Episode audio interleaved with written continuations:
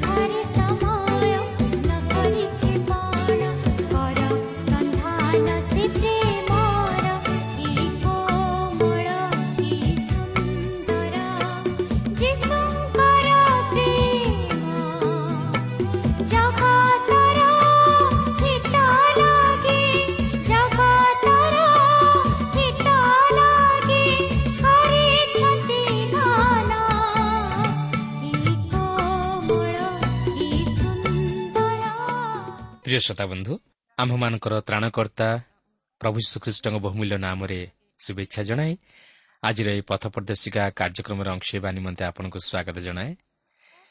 ଆପଣଙ୍କର ସହଯୋଗ ତଥା ମତାମତ ନିମନ୍ତେ ବିଶେଷ ଧନ୍ୟବାଦ।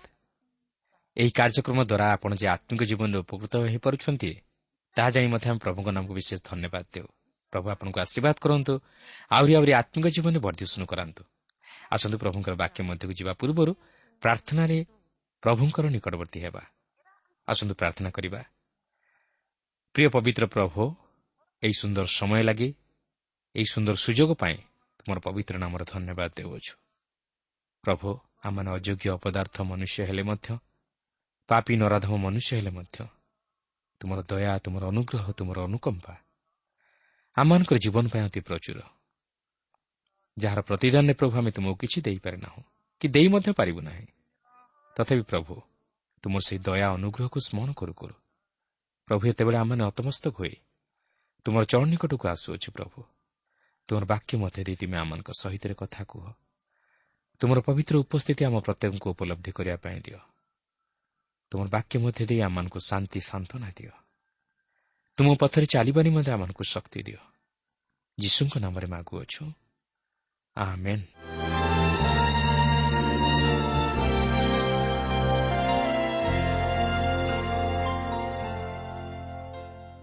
ଆସନ୍ତୁ ବର୍ତ୍ତମାନ ଆମେ ପ୍ରଭୁଙ୍କର ବାକ୍ୟ ମଧ୍ୟକୁ ଯିବା।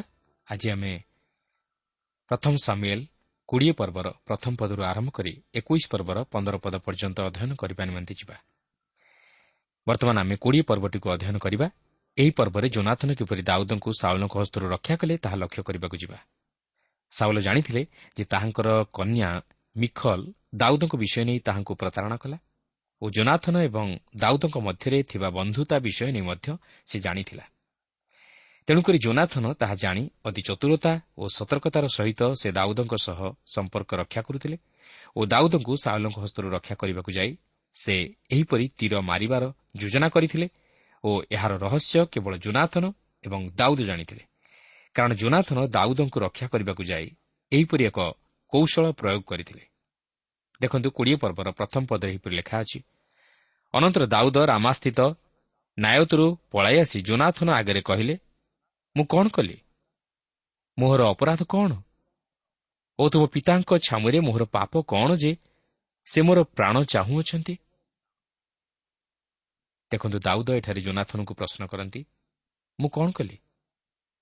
ମୋହର ଅପରାଧ କ'ଣ? କାରଣ ସେ କେବେ ହେଲେ ସାଉଲଙ୍କ ବିରୁଦ୍ଧରେ ଯାଇ ତାହାଙ୍କ ହୃଦୟରେ ଆଘାତ ଦେବା ଭଳି କାର୍ଯ୍ୟ କରିନଥିଲେ। ସାଉଲ ତାହାଙ୍କ ବିରୁଦ୍ଧରେ ଅମଙ୍ଗଳ କଳ୍ପନା କଲେ ମଧ୍ୟ ସେ କେବେ ହେଲେ ସାଉଲଙ୍କ ବିରୁଦ୍ଧରେ ଯାଇ ତାହାଙ୍କର ଅମଙ୍ଗଳ କରିନଥିଲେ। ସେ ତାହାଙ୍କୁ ପ୍ରକୃତରେ ସାହାଯ୍ୟ କରିଥିଲେ। ମାତ୍ର ସାଉଲ ଦାଉଦଙ୍କ ପ୍ରତି ହିଂସା କରି ତାହାଙ୍କୁ ବଦ୍ଧ କରିବାକୁ ଚାହୁଁଥିଲେ ଓ ତାହାଙ୍କୁ ସବୁଦିନ ପାଇଁ ତାହାଙ୍କର ପଥରୁ ହଟାଇ ଦେବାକୁ ଚାହୁଁଥିଲେ। କାରଣ ଦାଉଦ ଯେ ତାହାଙ୍କ ପଦରେ ରାଜତ୍ୱ କରିବ ଏହି ବିଷୟ ସେ ଆଶଙ୍କା କରୁଥିଲେ। କିନ୍ତୁ ଦାଉଦ ଦ୍ୱନ୍ଦ୍ୱରେ ପଡ଼ି ବୁଝିପାରୁନାହାନ୍ତି ଯେ ସାଉଲ କାହିଁକି ତାହାଙ୍କ ବିରୁଦ୍ଧରେ ଏହିପରି ଚକ୍ରାନ୍ତ କରି ତାହାଙ୍କୁ ବଦ୍ଧ କରିବାକୁ ଚେଷ୍ଟା କରୁଅଛନ୍ତି। ଏହାପରେ କୋଡ଼ିଏ ପର୍ବର ଦୁଇ ପଦରେ ଆମେ ଦେଖୁ ଯେ ଜୋନାଥନ ଦାଉଦଙ୍କୁ କହୁଛନ୍ତି ଯଦି ତାହାଙ୍କର ପିତା ଦାଉଦଙ୍କୁ ବଦ୍ଧ କରିବା ନିମନ୍ତେ ଚକ୍ରାନ୍ତ କରନ୍ତି ତାହେଲେ ସେ ତାହା ନିଶ୍ଚୟ ଜାଣିପାରିବେ ଓ ତାହାଙ୍କୁ ଜଣାଇଦେବେ। ଏହାପରେ କୋଡ଼ିଏ ପର୍ବର ତିନି ଓ ଚାରି ପଦରେ ଆମେ ପ୍ରକୃତରେ ଏକ ଚମତ୍କାର ବିଷୟ ଲକ୍ଷ୍ୟ କରୁ ଦାଉଦଙ୍କର ଜୀବନ ଅତି ସଙ୍କଟାପନ୍ନ ଅବସ୍ଥାରେ ଥିବା ସମୟରେ ଜୋନାଥନର ଏହିପରି ଆଶ୍ୱାସନା ଓ ସାନ୍ତ୍ୱନାଜନକ ବାକ୍ୟ ଦାଉଦଙ୍କ ପ୍ରତି କେତେ ଭରସାଜନକ ନ ହୋଇଥିବ। ଦାଉଦ ବିପଦ ସମୟରେ ଥିବାବେଳେ ଜୋନାଥନ ତାହାଙ୍କୁ ସାହାଯ୍ୟ କରୁଅଛନ୍ତି। ବାସ୍ତବରେ ଦାଉଦ ଓ ଜୋନାଥନଙ୍କ ମଧ୍ୟରେ ଅତି ଘନିଷ୍ଠ ବନ୍ଧୁତା ସ୍ଥାପିତ ହୋଇଥିଲା। ଓ ସେହି ବନ୍ଧୁତ୍ୱର ଉପକାରିତା ଆମେ ଏଠାରେ ଲକ୍ଷ୍ୟ କରିବାକୁ ପାରୁଛୁ। ବିପଦ ସମୟର ବନ୍ଧୁ ପ୍ରକୃତ ବନ୍ଧୁ ବୋଲି ଆମେ ସମସ୍ତେ ଜାଣୁ। ଯେ ପ୍ରକୃତ ବନ୍ଧୁ ସେ ହିଁ କେବଳ ବିପଦ ସମୟରେ ନିଜର ଭାଇ ଅପେକ୍ଷା ମଧ୍ୟ ଅଧିକ ସାହାଯ୍ୟ କରିପାରେ। ଆଉ ଜୋନାଥନ ତହିଁର ନିଦର୍ଶନ। କୋଡ଼ିଏ ପର୍ବର ପାଞ୍ଚ ପଦରେ ଆମେ ଦେଖୁ ଦାଉଦ ସେହି ପ୍ରାସାଦ ମଧ୍ୟରେ ଭୋଜନ ସମୟରେ ରାଜାଙ୍କ ସହିତ ବସି ଭୋଜନ କରିବାକୁ ଥିଲା ମାତ୍ର ଦାଉଦ ସେଠାକୁ ଯିବାକୁ ଭୟ କଲେ। ତେଣୁକରି ସେ ଜୋନାଥନକୁ କହୁଛନ୍ତି ତାହାଙ୍କୁ ତିନିଦିନ ପାଇଁ ଛାଡ଼ିଦେବାକୁ ଯେପରି ସେ କ୍ଷେତ୍ରରେ ଯାଇ ଲୁଚି ରହିବେ। ଏହାପରେ କୋଡ଼ିଏ ପର୍ବର ଛଅରୁ ସାତ ପଦରେ ଆମେ ଦେଖୁ ଯେ ଏହି ପ୍ରକାରେ ଦାଉଦ ସାଉଲଙ୍କର ପ୍ରକୃତ ଭାବକୁ ଜାଣିବାକୁ ଚେଷ୍ଟା କରିଥିଲେ ଓ ଏହି କାର୍ଯ୍ୟରେ ଜୋନାଥନ ତାହାଙ୍କୁ ବିଶେଷ ସାହାଯ୍ୟ କରିଥିଲେ।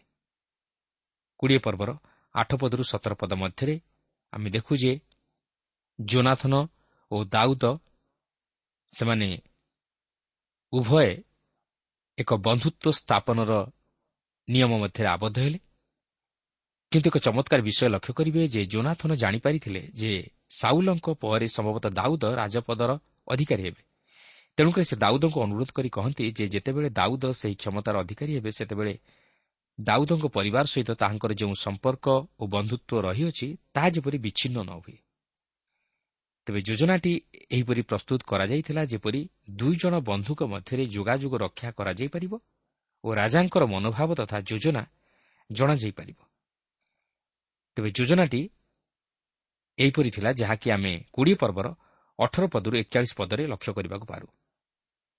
ତେବେ ମୁଁ ଏହାକୁ ଆଉ ଅଧିକ ବ୍ୟାଖ୍ୟା କରିବା ପାଇଁ ଯାଉନାହିଁ। ଆପଣ ଏହାକୁ ଆପଣଙ୍କର ବ୍ୟକ୍ତିଗତ ବାଇବଲ ଅଧ୍ୟୟନ ସମୟରେ ପାଠ କରିନେବେ।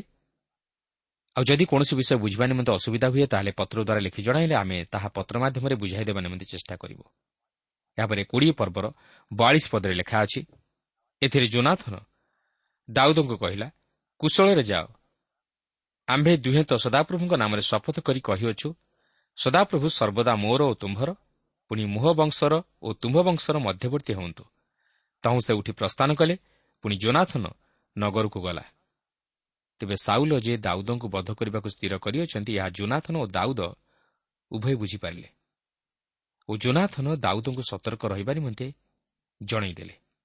ଏହି ସମୟଠାରୁ ଦାଉଦ ସାଉଲଙ୍କଠାରୁ ନିଜକୁ ଲୁଚାଇବାକୁ ଚେଷ୍ଟା କରି ବିଭିନ୍ନ ପାହାଡ଼ ପର୍ବତ ଓ ଗୁମ୍ଫାମାନଙ୍କରେ ରହିଲେ। ଅନେକ ଦୁଃଖ ଓ ସଙ୍କଟର ମଧ୍ୟ ଦେଇ ସେ ଗତି କରିଥିଲେ। କିନ୍ତୁ ଏହି ସମସ୍ତ ମଧ୍ୟ ଦେଇ ଈଶ୍ୱରଙ୍କର ମହତ ଉଦ୍ଦେଶ୍ୟ ସଫଳ ହେବାକୁ ଯାଉଥିଲା ଯେପରି ଦାଉଦ ଇସ୍ରାଏଲ୍ ଉପରେ ଏକ ସୁଯୋଗ୍ୟ ରାଜା ରୂପେ ଶାସନ କରିପାରନ୍ତି। କିନ୍ତୁ ଏଠାରେ ଏକ କୌତୁହଳର ବିଷୟ ହେଉଛି ଦାଉଦ ଓ ଜୋନାଥନଙ୍କ ମଧ୍ୟରେ ସ୍ଥାପିତ ନିୟମ।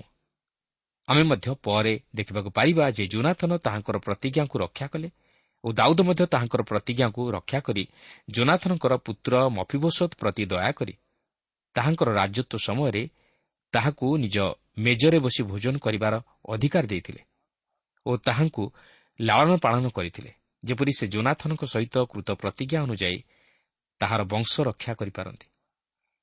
କାରଣ ଆମେ ପରେ ଦେଖିବାକୁ ଯିବା ଯେ ସାଉଲ ଓ ଜୋନାଥନ ଉଭୟ ପଲେଷ୍ଟିୟମାନଙ୍କ ଦ୍ୱାରା ହତ ହେଲେ ଓ ଦାଉଦ ଇସ୍ରାଏଲ୍ ଉପରେ ରାଜା ହୋଇ ରାଜ୍ୟ ଶାସନ କଲେ। କିନ୍ତୁ ଏହି ଘଟଣାରୁ ଆମେ ଏକ ଚମତ୍କାର ଶିକ୍ଷା ପାଉଛୁ ଯେ ଦାଉଦ ଜୋନାଥନଙ୍କ ହେତୁ ମଫିବୋଷଦ ଉପରେ ଦୟା ପ୍ରଦର୍ଶନ କରିଥିଲେ। ଯଦିଓ ସେ ସାଉଲଙ୍କର ବଂଶକୁ ସମୂଳେ ନିପାତ କରିଥିଲେ ମାତ୍ର ଜୋନାଥନର ବଂଶ ପ୍ରତି ଦୟାକରି ମଫିବୋଷଦକୁ ରକ୍ଷା କରିଥିଲେ। ସେହିପରି ଈଶ୍ୱର ପ୍ରଭୁ ଯୀଶୁଖ୍ରୀଷ୍ଟଙ୍କ ହେତୁ ଆପଣଙ୍କ ଉପରେ ଓ ମୋ ଉପରେ ତାଙ୍କର ଅସୀମ ଦୟା ଓ ଅନୁଗ୍ରହ ପ୍ରକାଶ କରିଅଛନ୍ତି ଯେପରି ଆପଣ ଓ ମୁଁ ବିନଷ୍ଟ ନ ହୋଇ ପାପରୁ ଉଦ୍ଧାର ପାଇ ଈଶ୍ୱରଙ୍କ ସହଭାଗିତାର ଅଂଶୀ ହେଉ। ପ୍ରଭୁ ଯୀଶୁ ଆଜି ମଧ୍ୟ ଆପଣଙ୍କୁ ମୋତେ ଆହ୍ୱାନ କରନ୍ତି ଓ ସେ ଆମମାନଙ୍କ ସହିତ ସହଭାଗିତା ସ୍ଥାପନ କରିବାକୁ ଚାହାନ୍ତି। ସେଥିପାଇଁ ପ୍ରକାଶିତ ତିନି ପର୍ବର କୋଡ଼ିଏ ପଦରେ ଲେଖା ଅଛି ଦେଖ ଆମ୍ଭେ ଦ୍ୱାର ନିକଟରେ ଠିଆ ହୋଇ ଆଘାତ କରୁଅଛୁ ଯଦି କେହି ଆମ୍ଭର ସ୍ୱର ଶୁଣି ଦ୍ୱାର ଫିଟାଇ ଦେବ ତାହେଲେ ଆମ୍ଭେ ପ୍ରବେଶ କରି ତାହା ନିକଟକୁ ଯିବୁ। ପୁଣି ଆମ୍ଭେ ତାହା ସହିତ ଭୋଜନ କରିବୁ ଓ ସେ ଆମ୍ଭ ସହିତ ଭୋଜନ କରିବ। କ'ଣ? ଆଜି ଆମେ ସେହି ସହଭାଗିତା ସ୍ଥାପନ କରିବାକୁ ଚାହୁଁ କି? ତାହେଲେ ଆଉ ଡେରି ନ କରୁ। ବର୍ତ୍ତମାନ ଆମେ ଏହି ପ୍ରଥମ ସାମୁଏଲ୍ର ଏକୋଇଶ ପର୍ବ ମଧ୍ୟକୁ ଯିବା। ଏହି ଏକୋଇଶ ପର୍ବରେ ଆମେ ଦେଖିବାକୁ ପାରିବା ଯେ ଦାଉଦ କେତେକ ଯାଜକମାନଙ୍କୁ ସାଥୀ କରନ୍ତି ଓ କେତେକ ବଳବାନ ଲୋକମାନଙ୍କୁ ଏକତ୍ରିତ କରନ୍ତି। କିନ୍ତୁ ସାଉଲ ଈଶ୍ୱରଙ୍କର ସେହି ଯାଜକମାନଙ୍କୁ ବଦ୍ଧ କରନ୍ତି। ଏକୋଇଶ ପର୍ବର ପ୍ରଥମ ପଦରେ ଏହିପରି ଲେଖା ଅଛି ଅନନ୍ତର ଦାଉଦ ନୋବରେ ଅହିମେଲକ ଯାଜକ ନିକଟକୁ ଆସିଲେ। ତହିଁରେ ଅହିମେଲକ କମ୍ପମାନ ହୋଇ ଦାଉଦଙ୍କୁ ସାକ୍ଷାତ କରିବାକୁ ଆସି ତାଙ୍କୁ କହିଲା ତୁମ ସାଙ୍ଗରେ କୌଣସି ଲୋକ ନାହିଁ। ତୁମ୍ଭେ ଏକା କାହିଁକି? ଦାଉଦ ସାଉଲଙ୍କ ନିକଟରୁ ପ୍ରସ୍ଥାନ କରିବା ପରେ ସେ ଏକାକୀ ହୋଇଯାଇଛନ୍ତି। ତାଙ୍କ ସହିତ ଆଉ କେହି ନାହାନ୍ତି।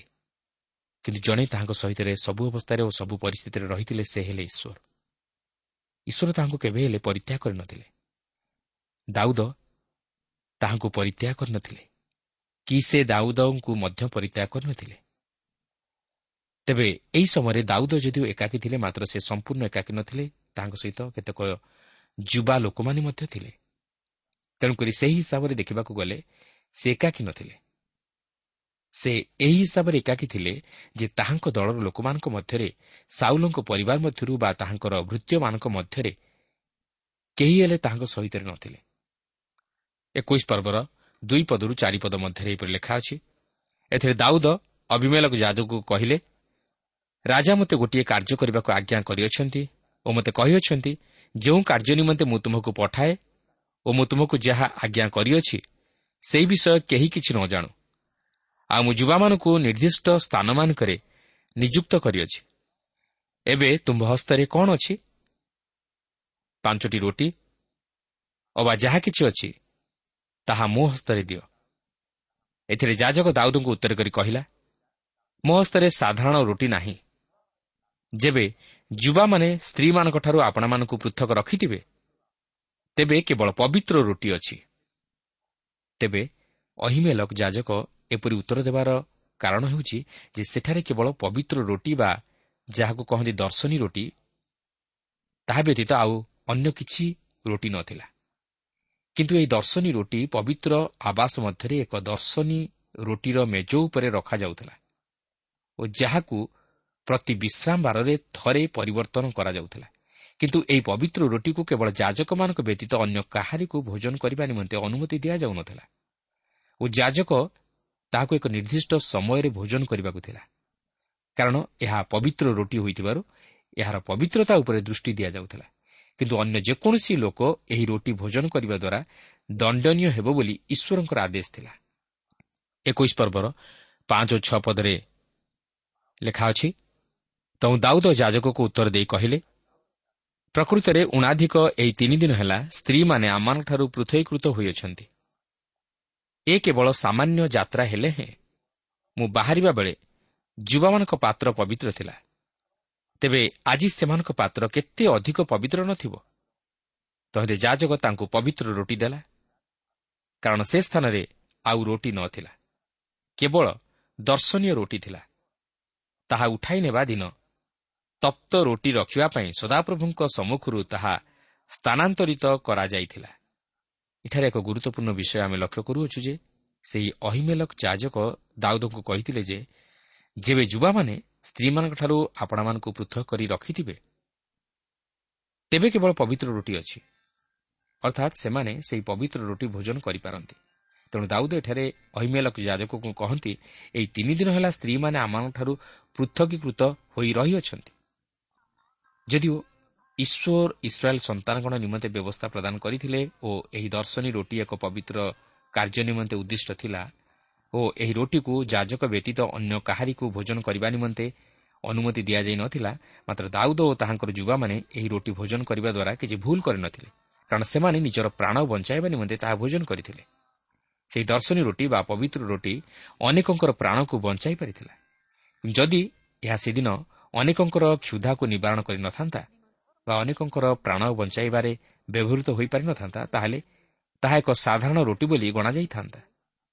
ଦାଉଦ ଓ ତାହାଙ୍କର ସଙ୍ଗୀମାନେ ଏହାକୁ ଅସୁଚି ହସ୍ତରେ ଭୋଜନ କରିନଥିଲେ ଓ ଏହା ମଧ୍ୟ ସେହିଦିନ ସେହି ମେଜ ଉପରୁ ସ୍ଥାନାନ୍ତରିତ ହେବାକୁ ଥିଲା ଯେପରି ସେହି ସ୍ଥାନରେ ତପ୍ତ ରୁଟି ରଖାଯାଇପାରେ।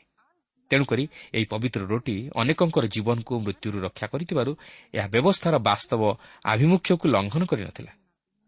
କାରଣ ବ୍ୟବସ୍ଥା ମନୁଷ୍ୟ ନିମନ୍ତେ ପ୍ରଦତ୍ତ ହୋଇଥିଲା। ତେଣୁ ବ୍ୟବସ୍ଥାଠାରୁ ମନୁଷ୍ୟର ଜୀବନ ଶ୍ରେଷ୍ଠ ଓ ବହୁମୂଲ୍ୟ।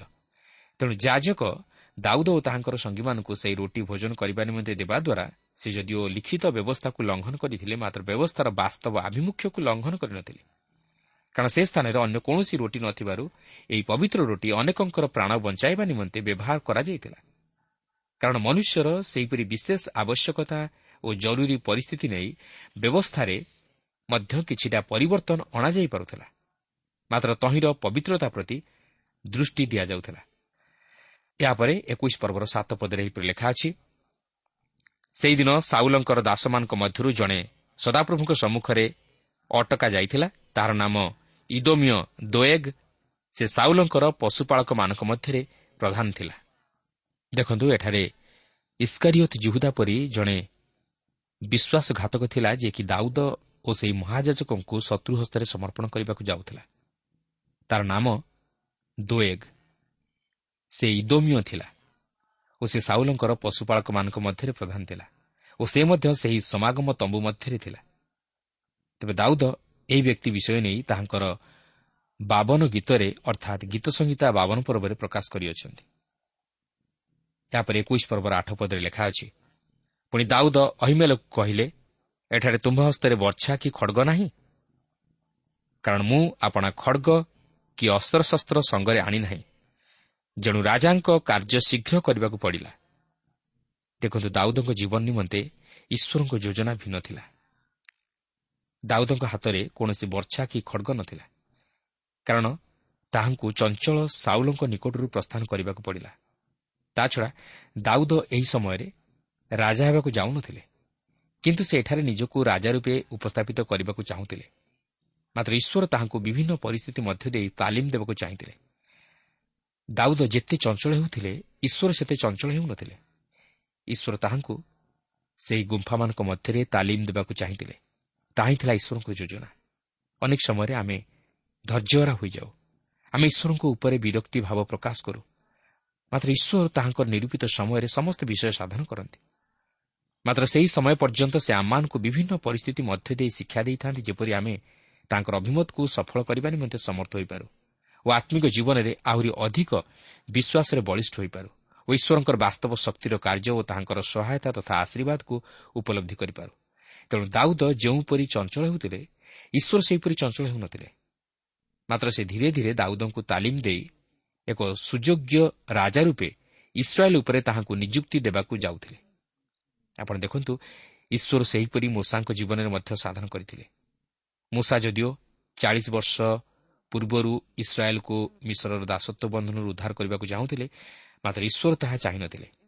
ଯେହେତୁ ମୂଷା ସେ ପର୍ଯ୍ୟନ୍ତ ପ୍ରସ୍ତୁତ ନଥିଲେ। ତେଣୁକରି ଈଶ୍ୱର ଚାଳିଶ ବର୍ଷ ଧରି ସେହି ପ୍ରାନ୍ତର ମଧ୍ୟରେ ତାହାଙ୍କୁ ତାଲିମ ଦେବା ପରେ ସେ ତାହାଙ୍କୁ ମିଶ୍ରର ରାଜା ଫାରୁଙ୍କ ନିକଟକୁ ପଠାଇଲେ। ଯେପରି ସେ ଇସ୍ରାଏଲ୍ ସନ୍ତାନଗଣକୁ ମିଶ୍ରର ଦାସତ୍ୱ ବନ୍ଧନରୁ ମୁକୁଳାଇ ଆଣିପାରନ୍ତି। ଏହା ହିଁ ଥିଲା ଈଶ୍ୱରଙ୍କର ଯୋଜନା।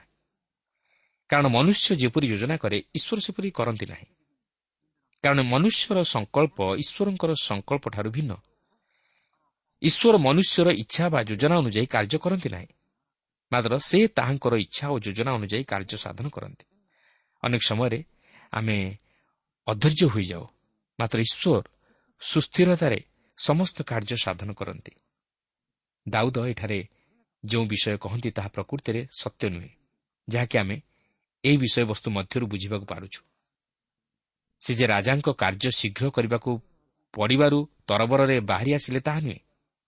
ମାତ୍ର ସେ ଏଠାରେ ଘଟଣାକୁ ଛପାଇ ରଖିବା ନିମନ୍ତେ ଏହିପରି କହିଲେ ଏକୋଇଶ ପର୍ବର ନଅ ପଦରେ ଏହିପରି ଲେଖା ଅଛି ତହିଁରେ ଯାଜକ କହିଲା ତୁମ୍ଭେ ଏଲା ତଳଭୂମିରେ ଯାହାକୁ ବଧ କରିଥିଲ ଦେଖ ସେହି ପଲେଷ୍ଟିୟ ଗଲିଆତର ଖଡ଼ଗ ଏଫୋଦ ପଛେ ବସ୍ତ୍ରରେ ଗୁଡ଼ା ହୋଇଅଛି। ଯେବେ ତାହା ନେବ ନିଅ ତାହା ଛଡ଼ା ଆଉ ଏଠାରେ କିଛି ନାହିଁ। ତୁ ଦାଉଦ କହିଲେ ତାହାପରି ଆଉ କିଛି ନାହିଁ। ତାହା ମୋତେ ଦିଅ। ଏଠାରେ ଏକ କୌତୁହଳର ବିଷୟ ଆପଣ ଲକ୍ଷ୍ୟ କରିବେ ଯେ ଦାଉଦ ଜଣେ ଯୁବକ ଓ ସେ ଚାହିଁଥିଲେ ତାହାଙ୍କର ସେହି ଛାଟିଣୀ ଓ ପଥର ବ୍ୟବହାର କରିପାରିଥାନ୍ତେ। ମାତ୍ର ସେ ଦୀର୍ଘଦିନ ଧରି ସେହି ରାଜପ୍ରାସାଦ ମଧ୍ୟରେ ଥିବା ହେତୁ ବୋଧହୁଏ ସେହି ଛାଟିଣୀ ପଥର ବ୍ୟବହାର କରିବା ଭୁଲି ଯାଇଥିଲେ। ତେଣୁକରି ସେ ବର୍ତ୍ତମାନ ଏକ ଖଡ଼ଗ ଚାହାନ୍ତି ଓ ସେ ଗଲିଆତର ଖଡ଼ଗକୁ ବ୍ୟବହାର କରୁଅଛନ୍ତି। ଯେହେତୁ ଏହା ସେହିଠାରେ ଥିଲା। ଏକୋଇଶ ପର୍ବର ଦଶ ପଦରେ ଲେଖା ଅଛି ଏଉତାରେ ଦାଉଦ ଉଠି ସାଉଲଙ୍କର ସମ୍ମୁଖରୁ ସେହିଦିନ ପଳାଇ ଗାଥର ରାଜା ଆଖିସ୍ ନିକଟକୁ ଗଲେ। ଦେଖନ୍ତୁ ଦାଉଦ ବର୍ତ୍ତମାନ ସାଉଲଙ୍କ ନିକଟରୁ ପ୍ରସ୍ଥାନ କରି ସେହି ଆଖିସ୍ ରାଜା ନିକଟକୁ ଯାଉଛନ୍ତି ଯେପରି ସେ ତାହାଙ୍କଠାରୁ କିଛି ସାହାଯ୍ୟ ପାଇପାରନ୍ତି। ଯେତେବେଳେ ସେ ଏହି ବିଦେଶୀୟମାନଙ୍କ ନିକଟରେ ପହଞ୍ଚିଗଲେ ସେ ଜାଣିବାକୁ ପାରିଲେ ଯେ ସେ ବର୍ତ୍ତମାନ ବିପଦରେ ପଡ଼ିଯାଇଛନ୍ତି କାରଣ ସେମାନେ ଇସ୍ରାଏଲ୍ର ଶତ୍ରୁ ଥିଲେ। ତେଣୁକରି ଦାଉଦଙ୍କୁ ଜଣେ ପାଗଳ ଲୋକ ପରି ଛଳନା କରିବାକୁ ପଡ଼ିଲା ଓ କାର୍ଯ୍ୟ କରିବାକୁ ପଡ଼ିଲା। ଦେଖନ୍ତୁ ଏକୋଇଶ ପର୍ବର ଏଗାର ପଦରୁ ଚଉଦ ପଦ ମଧ୍ୟରେ ଲେଖା ଅଛି। ତହିଁରେ ଆଖିସ୍ର ଦାସମାନେ ତାକୁ କହିଲେ ଏହି ଦାଉଦ କି ଦେଶର ରାଜା ନୁହନ୍ତି? ପୁଣି ଲୋକମାନେ ତାଙ୍କ ବିଷୟରେ ନୃତ୍ୟ କରି କି ପରସ୍ପର କହିନଥିଲେ? ସାଉଲ ବଧ କଲେ ସହସ୍ର ସହସ୍ର ଦାଉଦ ବଧ କଲେ ଅଇତ ଅଇତ ମାତ୍ର ଦାଉଦ ଏକଥା ମନେ ରଖିଲେ। ପୁଣି ଗାଥର ରାଜା ଆଖିସ୍କୁ ବଡ଼ ଭୟ କଲେ। ଏଣୁ ସେ ସେମାନଙ୍କ ସାକ୍ଷାତରେ ଆପଣା ମତି ବଦଳାଇଲେ ଓ ସେମାନଙ୍କ ନିକଟରେ ଆପଣାକୁ ବାତୁଳ ପରି ଦେଖାଇ ଦ୍ୱାର କବାଟ ଆଞ୍ଚୁଡ଼ିଲେ ଓ ଆପଣା ଦାଢ଼ିରେ ଲାଳ ବୋହିବାକୁ ଦେଲେ। ତହରେ ଆଖିସ୍ ଆପଣା ଦାସମାନଙ୍କୁ କହିଲା ଦେଖ ଏ ବାତୁଳ ଏହା ତୁମେମାନେ ଦେଖୁଅଛ।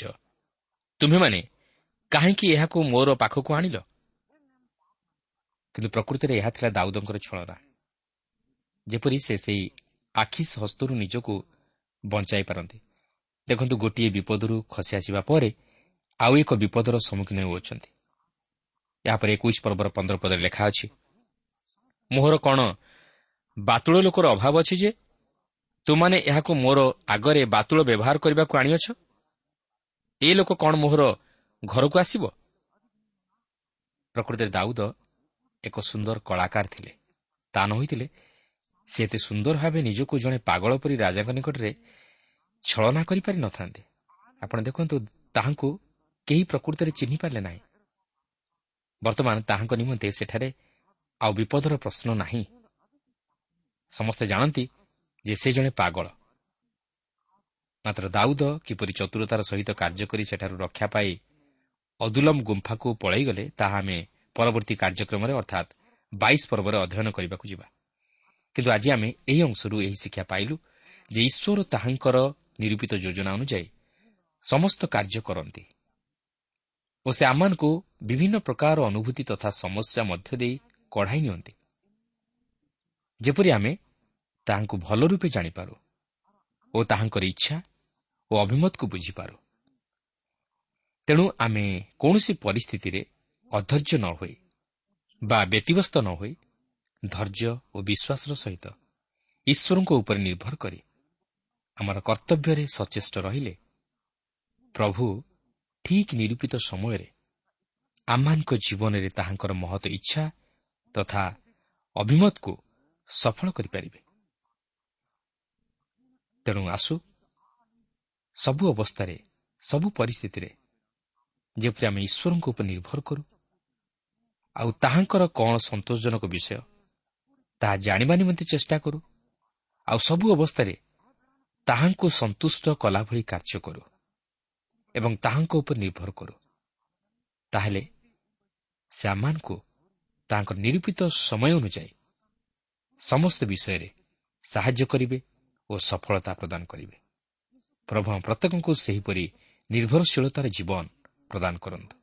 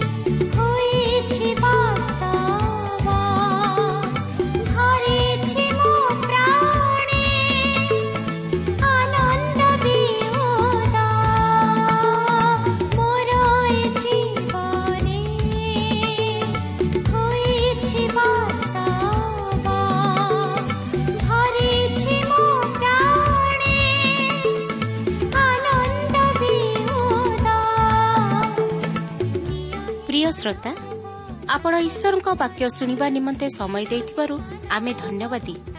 ଆପଣ ଯଦି ପ୍ରଭୁ ଯୀଶୁଙ୍କର ବାକ୍ୟ ବିଷୟରେ ଓ ତାହାଙ୍କର ପ୍ରେମ ବିଷୟରେ ଅଧିକ ଜାଣିବାକୁ ଚାହାନ୍ତି ଯାହାକି ଆପଣଙ୍କୁ ପାପରୁ ଉଦ୍ଧାର ପାଇବା ନିମନ୍ତେ ପଥ ଦେଖାଇବ ତାହେଲେ ଆମ ସହିତ ପତ୍ର ମାଧ୍ୟମରେ ଅଥବା ଟେଲିଫୋନ୍ ଯୋଗେ ଯୋଗାଯୋଗ କରନ୍ତୁ।